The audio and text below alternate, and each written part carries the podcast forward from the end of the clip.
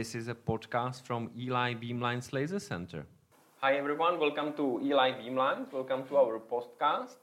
Our guest is Emily Erdmann from our laser team. Emily, welcome to our studio. Yeah. How are you today? I'm good. How are you? I'm fine too. Good. Uh, how long have you been working in Eli? For a little over four years now. And uh, when did you decide to become a scientist? When I was 15 years old, I just randomly, out of the blue, decided I would be a physicist. It was very random and strange, and I kind of was committed to the idea, and here I am. Mm-hmm. Excellent. And why did you choose physics? Why physics? because I didn't want to be like anybody else, and I knew that the amount of women who decided to do it was very small. So I thought it would be cool to be. Yes, yes. okay, that's great information. Uh, what's your working position, Eli? So I was hired to be a, a laser optical and electrical engineer, and now I'm a PhD student at Charles University and assistant.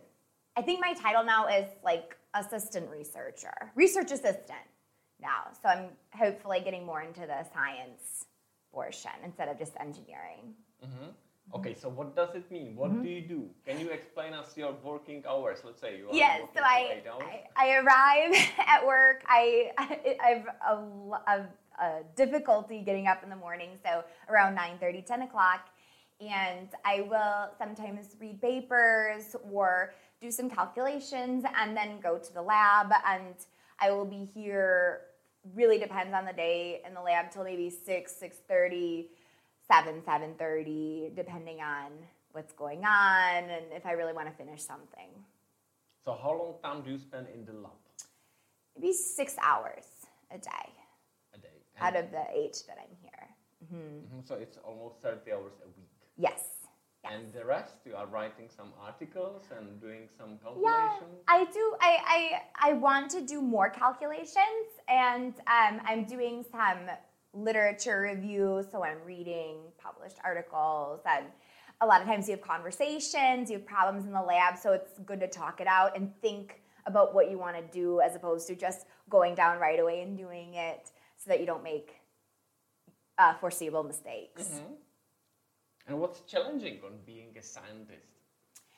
Well, sometimes I feel like um, I'm not so good at it, so that can be challenging.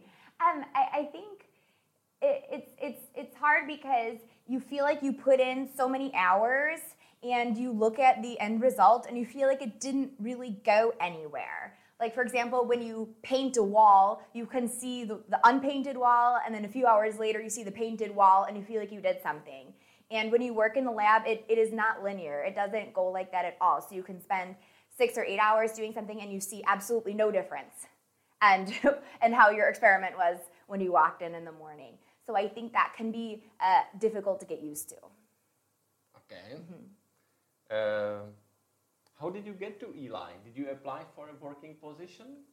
I did. So I did my bachelor's and master's in the United States. And at the time, I really needed a break. I knew I wanted to get my PhD, but I didn't want to do it immediately after my master's.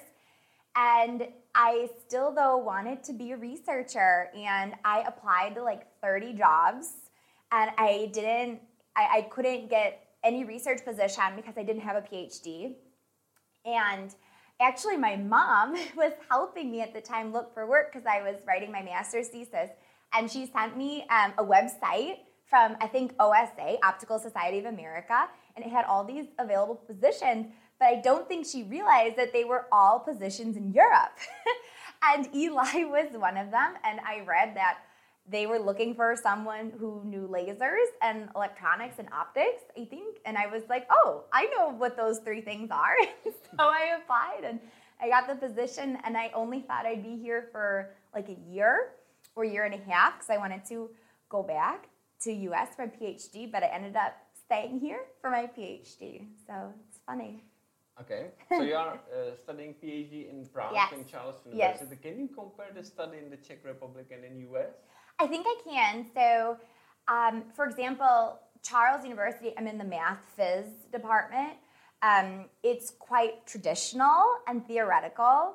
I was in more of an applied physics master's, so um, we did a lot of lab work and collaboration, and we learned about lasers and doing calculations in different software. Whereas I feel like in Charles, they do a lot of like fundamental physics and mathematics.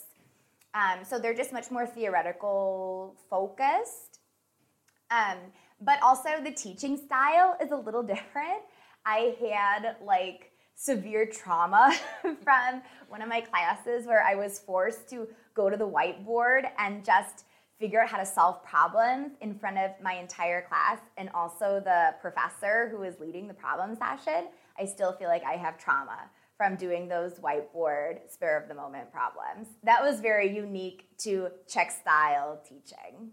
Mm-hmm.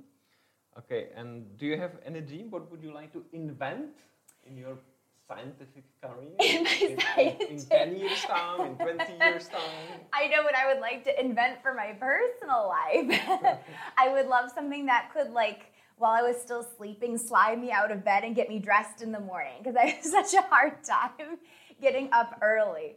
Um, for my scientific career, I think it would actually be really cool to invent something in the quantum computer world.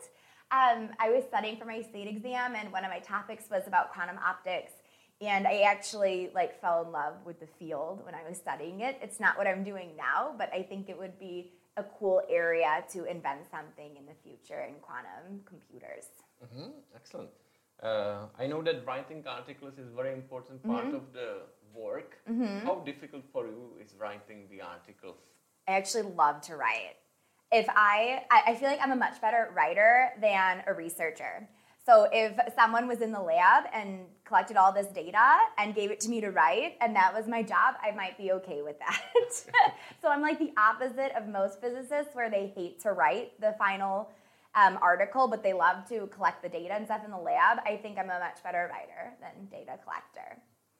So, are you good at writing? Are you writing something like else, some stories or I. I was working on a memoir, which is because no one would read a memoir about myself that I wrote, but I was for a time working on kind of a satirical memoir about my exca- uh, about my escapades in Europe, actually.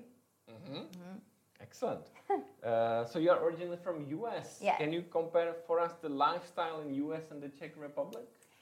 Yeah, I mean, in the science sphere in general, they are so obsessed with the amount of hours you work. So when I was getting my master's and going into the lab every day, um, my advisor, who was trying to become a tenured track professor, was probably putting in like 70, 80 hours of work a week, so maybe about double what we put here. I just feel like the balance um, is a little more skewed to the working hours, and your life revolves more around work. There's less vacation and maybe time for hobbies or hatha or these types of things in US. But I do think that if in the US, it's a great place to be smart and driven and motivated because I think there are ample opportunities to make money and to do really cool creative stuff there. Um, but I think if you want more of a balanced lifestyle, or if you're a woman and you want to have a career and family life, I think it's quite difficult to do in United States as of now. All right. What about Czech food? Have you ever tried some? Oh, of course. no, I, I love Czech food. I had to cut back because I gained some kilos my first two years when I ate a, a lot of Czech food. Um, but yeah, I, I actually, gr- my mom made dumplings when I was growing up. My mom is German, so I grew up eating the German potato dumplings quite often with pork roast and gravy and these things. But I really enjoy, for example, the kulajda. I love the sauces with dill, particularly over the um, houskové knedlíky. That's like one of my favorite things.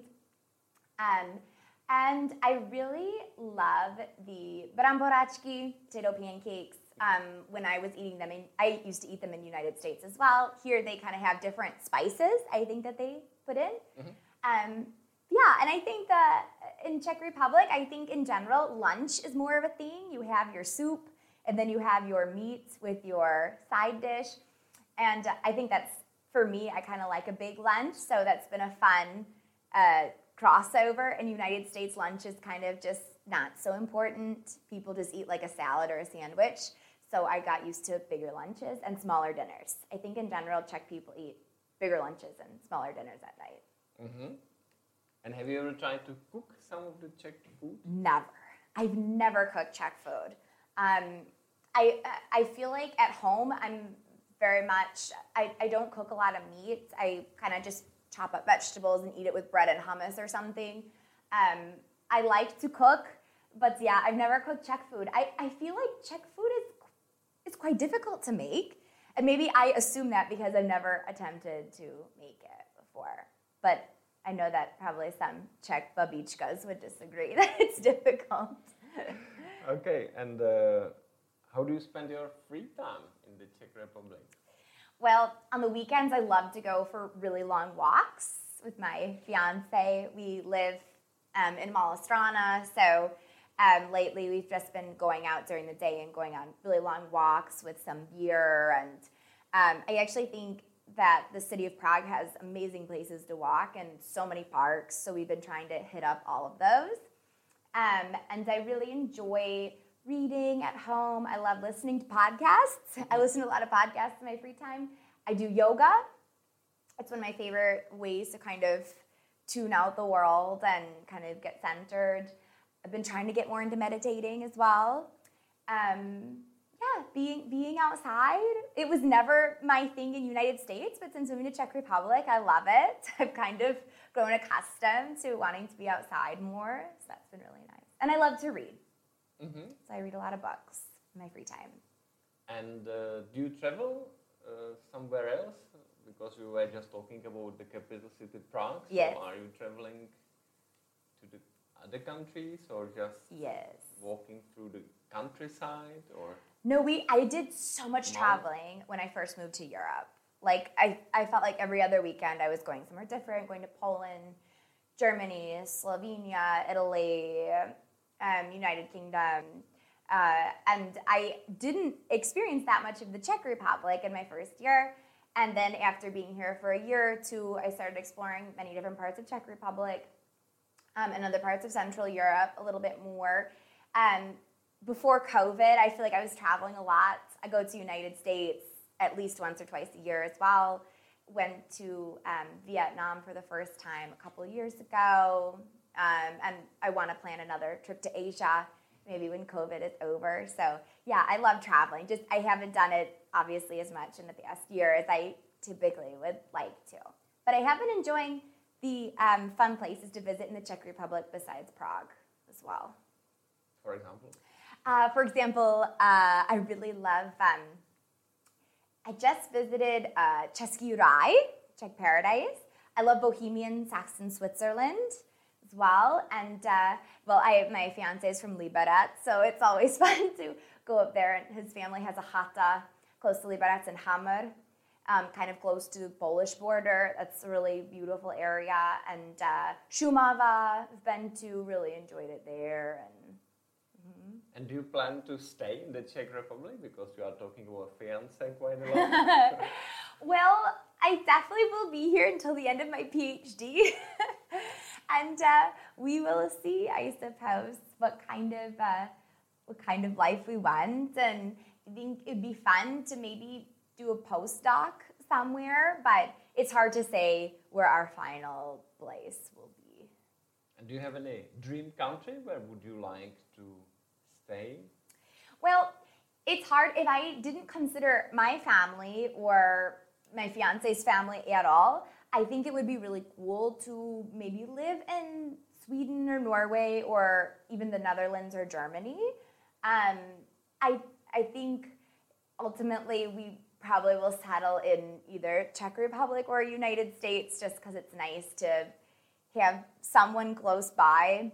Um, but maybe the best thing to do in an international couple is just to go somewhere really random where nobody has family. I don't know yet what the best strategy is. All right, and I have last question for you. What is your life statement, life credo? I think that uh, this is what I always said when I was younger, and I suppose I completely agree. Is it'll all be fine. So um, I think I would annoy people by saying that, but I've come to the realization that that is typically true. Um, even when bad things are happening, they kind of tend to work themselves out. I think eventually. Mm-hmm. Okay, thank you very much. So it was podcast from Eli Beamlines and our guest uh, Emily Erdmann. Thank you for coming. Thank you for having me. Thank you very much for listening to our podcast and have a nice day.